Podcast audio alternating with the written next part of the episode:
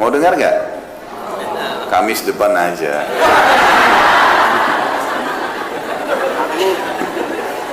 Saya mau sampaikan sekarang tapi diamalkan. Janji.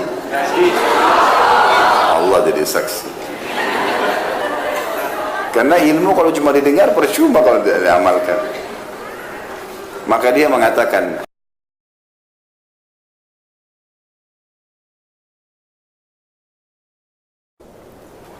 Dan termasuk teman-teman cara di poin kedua ini, cara untuk mempertahankan nikmat, setiap kali antum mendapatkan nikmat, kalau mau selalu ya grafiknya itu naik terus nikmat itu, maka ingat di setiap nikmat itu ada haknya Allah Subhanahu wa taala. Keluarkan di jalan Allah. Ya. Keluarkan jalan Allah, berapapun nilainya. Misal Allah Subhanahu wa taala berikan kepada kita handphone baru. Mau bagus, beli handphone lagi yang lain kasih juga orang susah. Walaupun nilainya mungkin belum bisa mencapai sama kita beli baju sebagai tanda syukur, kita berikan juga baju kepada orang yang baru. Kita makan di restoran enak, beli porsi yang sama, kasih juga kepada orang susah. Kasih tukang parkir, kasih orang susah. Porsi yang sama. Itu nanti grafik nikmatnya selalu naik, nggak akan turun. Yang jadi masalah sering grafik nikmat kita turun, drop, bangkrut usaha, ya apalah macam-macam cobaan datang karena setiap ada nikmat kita nggak pernah memberikan jatah di jalan Allah dari nikmat itu. Ada sebuah hadis Bukhari teman-teman disebutkan oleh Nabi SAW ada dua orang di zaman dulu sebelum kita ya, dari kisah Bani Israel dua-duanya orang saleh nih. Kebetulan kebunnya bersebelahan kebun mereka bersebelahan. Maka Nabi SAW mengatakan yang punya kebun yang pertama itu melihat lagi musim kemarau nih peceklik panas orang orang petani tahu dan pekebun tahu kalau butuh air banyak maka lewat di atas kebunnya dia awan dan dari awan itu keluar suara kata Nabi SAW. Ini hadis Bukhari.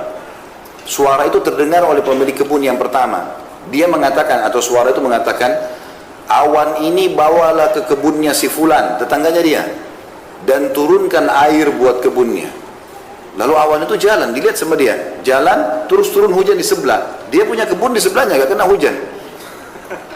Maka dia pun pergi ke sebelah, diikutin sama dia. Dilihat hujan lebat di tetangganya.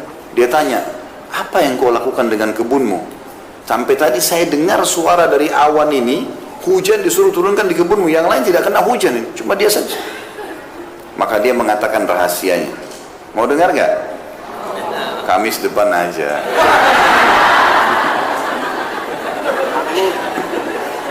Saya mau sampaikan sekarang tapi diamalkan. Janji. Allah jadi saksi. Karena ilmu kalau cuma didengar percuma kalau tidak diamalkan. Maka dia mengatakan hasil kebunku aku bagi tiga. Bukan modalnya ya, hasilnya saja. Hasil panen kebunku aku bagi tiga. Sepertiganya yang paling pertama disebutkan aku sedekahkan. Jadi kalau teman-teman terima gaji 2 juta, siap nggak sepertiganya kasih dulu orang miskin? Terlalu besar Ustaz. 10% aja susah. Dipotong dipotong saja untuk sedekah dua setengah persen susah gitu. apalagi mau sepertiga. Sepertiganya paling pertama saya sedekahkan dulu langsung. Di jalan Allah. Sepertiganya saya kembalikan ke modal usaha saya sepertiganya saya pakai untuk biaya keluarga saya karena dia bagi tiga begitu, dia tahu semua nikmat, ada hak Allah itu berapapun yang dia bisa keluarkan, maka Allah SWT berikan hujan di waktu musim peceklik.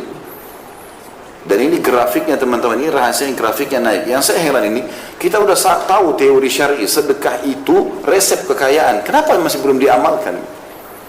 Kadang-kadang kita heran dengan orang tidak mau bersedekah dan masih negosiasi sama syaitan. Tidak boleh negosiasi sama syaitan. Ada orang miskin minta, kayaknya itu anak pinjaman. Dia masih kuat tuh. Ya. dia masih kuat pura-pura kali. Ya. apalah kira-kira apa lagi bisikannya coba? Yang biasa digoda syaitan mana? Yang lucu kita iakan. Oh iya iya kayaknya. Padahal syaitan targetnya supaya waktu itu tidak dicatat amal sedekahnya. A'udzu billahi minasyaitonir rajim kalau kita sudah buka dompet mau keluarin duit nih, ada 5 ribu, ada 50 ribu, ada 100 ribu. Syaitan bilang 5 ribu aja. Jangan, tidak boleh negosiasi. Ambil 100 ribu kasih. Mulai sekarang belajar teman-teman. Yang belum pernah sedekah dengan jumlah tertentu yang dia masih mampu coba sedekah dengan jumlah itu. Misal, antum selama ini 2000, 2000, 2000 terus ya. Ternyata pendapatnya bisa, antum bisa keluarin 20 ribu, coba sekarang dengan 20 ribu. Bisa 100 ribu, belum pernah dicoba, coba 100 ribu. Belum pernah sejuta, coba sejuta. Yang kaya raya 100 juta, coba nilai yang belum pernah. Nanti datang juga yang besar. Makin besar kita berikan, ya. Kalau makin besar keran kita buka di jalan Allah, Allah akan berikan limpahan rahmatnya yang luas. Ini resep sederhana ini. Saat ini, saat ibn Ubadah radhiyallahu anhu sahabat Nabi, itu melimpah hasil panen kebunnya teman-teman sepanjang tahun tidak pernah berhenti kurmanya sampai kaya raya melimpah-limpah. Ternyata kata kuncinya satu. Tiap hari dia panggil anaknya yang paling tua namanya Qais. Terkenal dia sama anaknya ini orang yang karam mulia sekali. Dia bilang sama anaknya nak bantu ayah habisin uang ini sedekah. Bantu ayah habisin uang ini sedekah. Silakan kau kasih siapa saja. Yang penting jalan Allah. Tiap hari ayah sama anak ini ambil dari hasil penjualan kurma, bagi-bagi, buka pintunya. Setiap hari ada orang naik di atas rumahnya teriak, wahai penduduk Madinah, siapa yang mau butuh, kalau kita kayak sembako sekarang, siapa yang butuh kebutuhan pokoknya silakan ambil. Minyak saminnya, gandumnya, kurma ambil, silakan berapa saja, nggak dibatasi. Jadi tiap hari itu rumahnya terbuka, antri orang ambil semua makanan, tiap hari, nggak pernah habis. Bahkan ini mendatangkan berkah ke kebun dia tidak pernah putus buahnya sepanjang tahun. Pohon-pohon kurma setahun sekali kurma e, panen. Tapi ini subhanallah sepanjang tahun berbuah terus dan melimpah terus. Orang kadang-kadang tidak berpikir efek itunya. Orang berpikir seperti kapitalis. Saya ngeluarin kurang. Sejuta saya keluarin 250 ribu. Berarti uang saya sisa 750. Itu hitungan kapitalis itu. Hitungan Islam tidak begitu. Itu kita keluarin 250 ribu ya.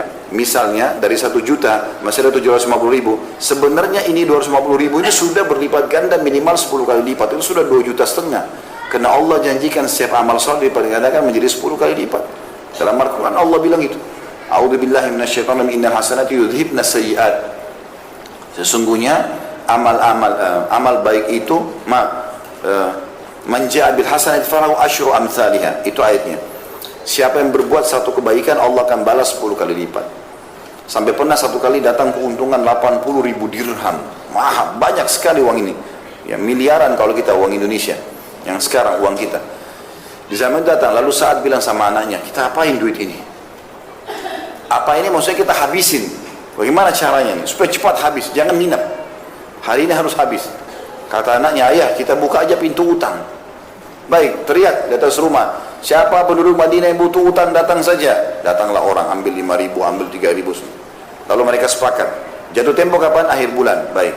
Dibiarin dulu dalam akhir bulan dalam bentuk utang. Lalu anak sama ayah sepakat. Begitu mereka datang akhir bulan, katakan sudah tidak ada utang kalian. Jadi begitu datang kami mau bayar, udah sudah lunas kami tidak terima uang kami lagi. Ada nggak yang begitu?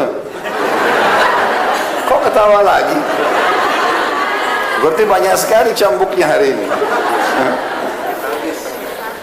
Ini 10 ribu aja ditagih. Kau punya utang. 10 ribu sudah matanya belalak marah-marah. Eh, luar biasa. Maka begitu polanya, luar biasa gitu.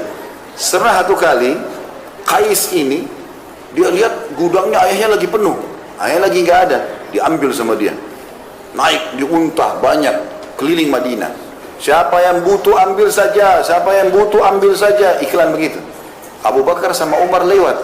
Ini Kais ini kalau kita biarkan habis harta ayahnya nih. Ini kata Abu Bakar sama Umar ini mertua Nabi yang siapa tidak kenal namanya gitu loh. Ahli surga di jalan surga. Bilang begitu. Rupanya sampai berita itu kepada Sa'ad, ayahnya. Lalu saat datang di depannya Abu Bakar sama Umar dan banyak orang. Dia mengatakan, wahai penduduk Madinah, siapa yang mau menolong saya melawan Abu Bakar sama Umar?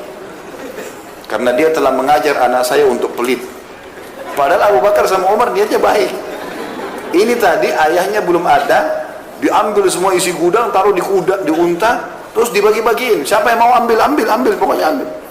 Maka Abu Bakar sama Umar bilang ini anak habisin hartanya orang tuanya nih kalau begini. Orang tuanya masih nggak ada keluar. Gitu kan? Maka ayahnya malah marah kepada Abu Bakar sama Umar.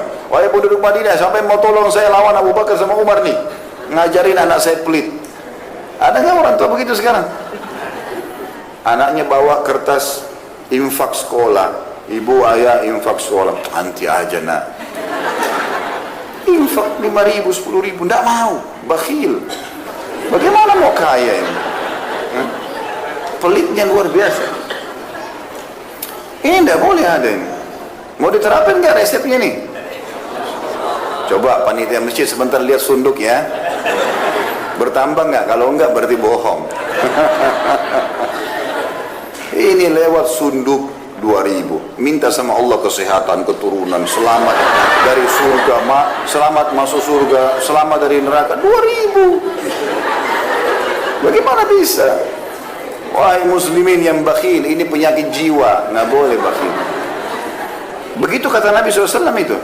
Ada sahabat datang orang-orang badui.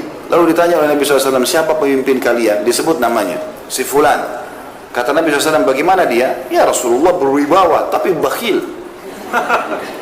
Perhitungan sekali, para suku tapi perhitungan, tidak loyal sama warganya gitu.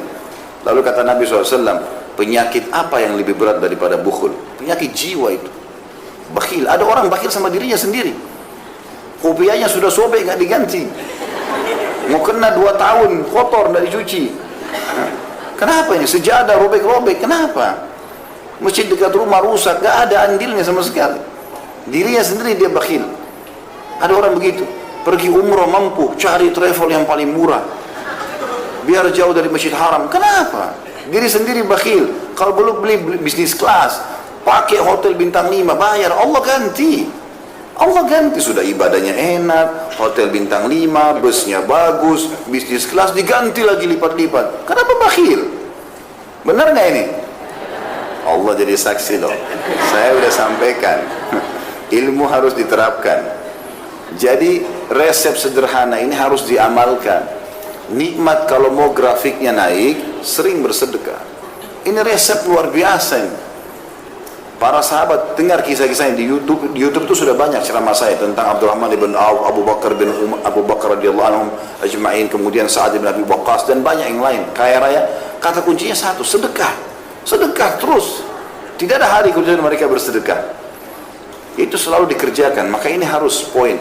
Dan beda teman-teman orang yang bersedekah orang yang bersedekah dengan cara dia yang mencari sumber orang yang mau menerima sedekah dengan dia menunggu siapa yang minta sedekah.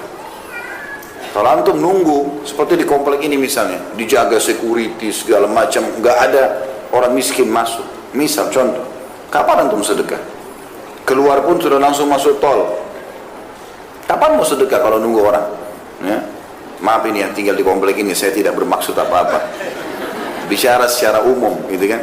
Karena memang kalau kita mau tunggu orang datang baru kita sedekah. Kalau seminggu nggak ada datang, berarti seminggu aku nggak sedekah.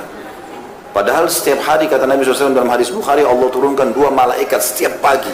Satu mengatakan ya Allah luaskan lapangkan rezeki orang yang bersedekah. Yang satu mengatakan binasakan. Binasakan dia dan hartanya bagi orang yang bakhil. Ini mesti diperhatikan. Maka kita yang jemput bola keluar. Cari mana nih orang yang membuat bulu uang. Sedekahin. Dan kita yang mendapatkan manfaat itu. Ya. Ini yang dimaksud dengan poin kedua. Setiap nikmat menimpa, maka untuk mempertahankannya harusnya seseorang itu mengetahui haknya Allah di situ.